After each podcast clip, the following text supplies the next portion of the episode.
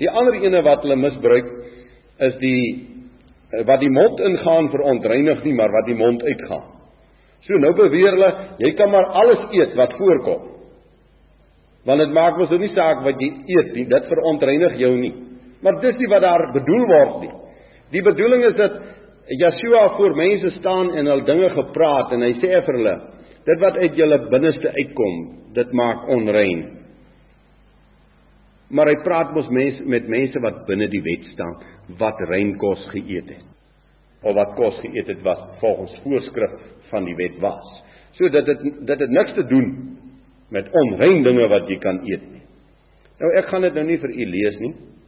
U kan nou maar self by die huis Deuteronomium 14 gaan lees oor wat jy mag eet en wat jy nie mag eet nie. Deuteronomium 14 en ek dink dis nodig dat ons Israeliete tog maar sal lees dat ons ook nie die geringste wet van ons koning verbreek en ander leer om dit te verbreek nie.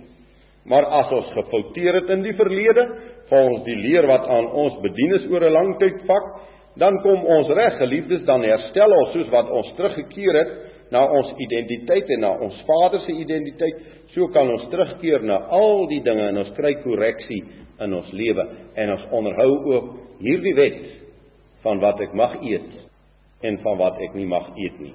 Want anders is ek nie 'n heilige volk nie. En dan eet ek soos die heidene. Kyk, Jawe sê vir die Israeliete: "Boer met varke om dit aan die heidene te verkoop." Hy sê dit vir hulle. So hy het nie beswaar dat ons by die goed moet boer nie, maar dan moet jy dit self eet, jy mag dit verkoop aan die heidene. Dit is onmoontlik dat die sosiale wette verander kan word. Nou hierdie sosiale wette uh is die verbode lyne op die samevoeginge van families met wie jy nie mag trou nie, met wie jy nie mag as 'n vrou neem. Binne die natuur ook dat jy nie jou diere mag vermeng nie. Jy kan dit gaan lees in Levitikus 18 en in Levitikus 19. Dat jy sien watter verbode graad van vermenging is daar uh onder die familieskappe van mense. Ek wil dit nou nie lees nie want dit is baie lank ons uh, ons sal te lank daaraan lees en ek wil nie net stukkies lees nie. So u kan dit maar self bietjie gaan deurlees.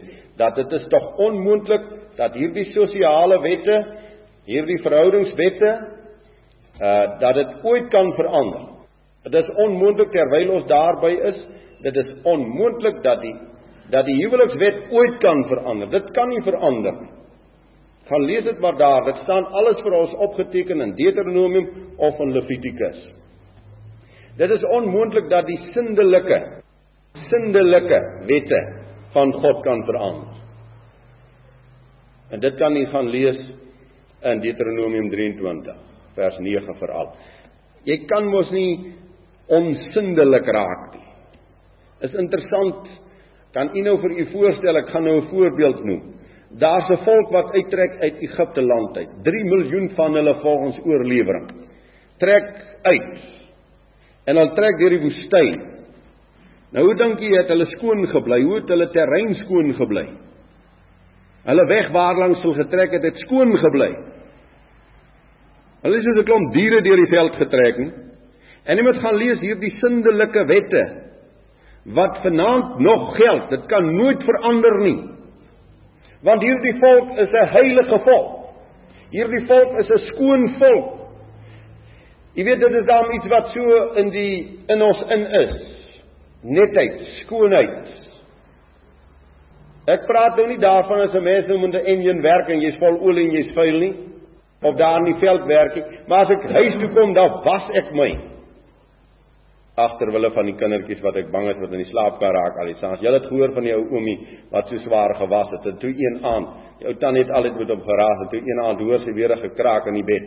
Toe vra sy, "Wat het jy doen vanaand aangevang?" Toe sê hy, "Nee, hy het net weer kardoese oor sy voete getrek." Nou ja, die sindelikheid wat Jawe aan ons gegee het om skoon te wees.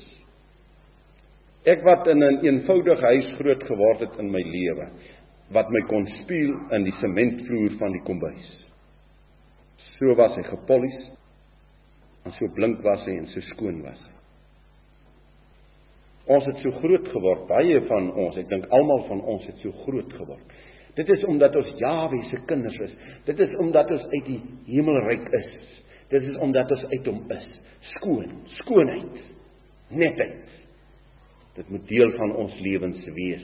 Dit kan nooit verander nie, want daar word ons soos die honde en soos die varke wat dit geniet om in die morsery besigheid besig te wees. Daar kan geen sedelike wet ooit verander nie. Gaan lees dit in Deuteronomium 22 vers 22. Daar kan geen sedelike wet verander nie. Jaweh sê vir sy volk, daar mag geen hoer onder julle wees nie. Die Bybel is baie duidelik oor sede. Vandag word dit verag en bespot en gesmaak. Dink die mens hy kan maar leef soos hy wil leef. Maar Jaweh se geringste wet kan nie verbreek word nie. En kyk net watter smart het ons. Watter groot smart in Suid-Afrika. Ek praat nie eens van die res van die blanke wêreld nie. Ek praat net van die Afrikaner volk. Kyk sy smart as gevolg van die verlies van sede en moreel. Hierdie dinge is wette wat Jaweh gesê het jy mag nie dit doen nie. Jy moenie so maak nie. Jy moet skoon lewe. Dit kan nooit verander word nie. Geliefdes, wat ek nou verder wil sê, die straf op oortredinge, op oortredinge kan wel verander. Kom ons lees Deuteronomium 19 vers 21. Want ons het nou met hierdie soort wette te doen en daar is strawwe op hierdie wette. En met baie mooi oplet dat daar is strawwe wat God eenvoudig die volk vernietig mee. As hulle daardie wet oortree, dan vernietig hulle.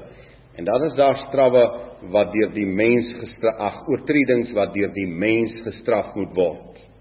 Hy het wel sy gevolge op die ou een, maar die mens moet dit straf. Daar is strawwe wat die mens nie kan, ag oortredinge wat die mens nie kan straf nie. En ek kan nie vanaand die Afrikaner volk straf oor omdat hy die verbond verbreek en hom begin vermeng nie. Dis nie in ons hand nie. Maar ons kan nog altyd vanaand 'n moordenaar straf. Ons kan nog altyd een wat steel straf. So jy moet onderskei tussen die strawwe wat alleen deur Jawe uitgevoer word en strawwe wat hy wat uitgevoer moet word omdat hy dit geplaas het in die hand van sy volk. Hoe het ek nou gesê Deuteronomium 19 vers 21 en jou oog mag nie verskoon nie. Lewe vir lewe, oog vir oog, tand vir tand, hand vir hand, voet vir voet. En nou het ons vanmôre gelees en nou herhaal ek dit maar weer. Ons het hier in Matteus 5 mos vanmôre gelees dat uh julle het gelees. Julle het gehoor vers 38. Oog vir oog en tand vir tand. Maar ek sê vir julle dat 'n slegte mens dat julle hom nie moet weerstaan nie.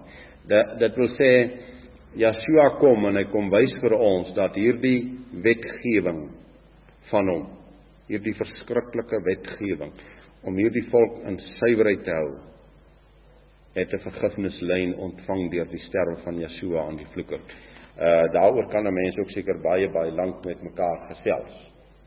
Dat hierdie genadelyn, dat die feit dat Yeshua aan die vloekhout gesterf het, het 'n wonderlike genadelyn na vore gebring sodat ons nie sal handel as iemand doodgemaak het, dan maak ons hom dood nie. As ons teruggaan in die Bybel, dan sal ons ook sien daar is versagtende omstandighede gewees.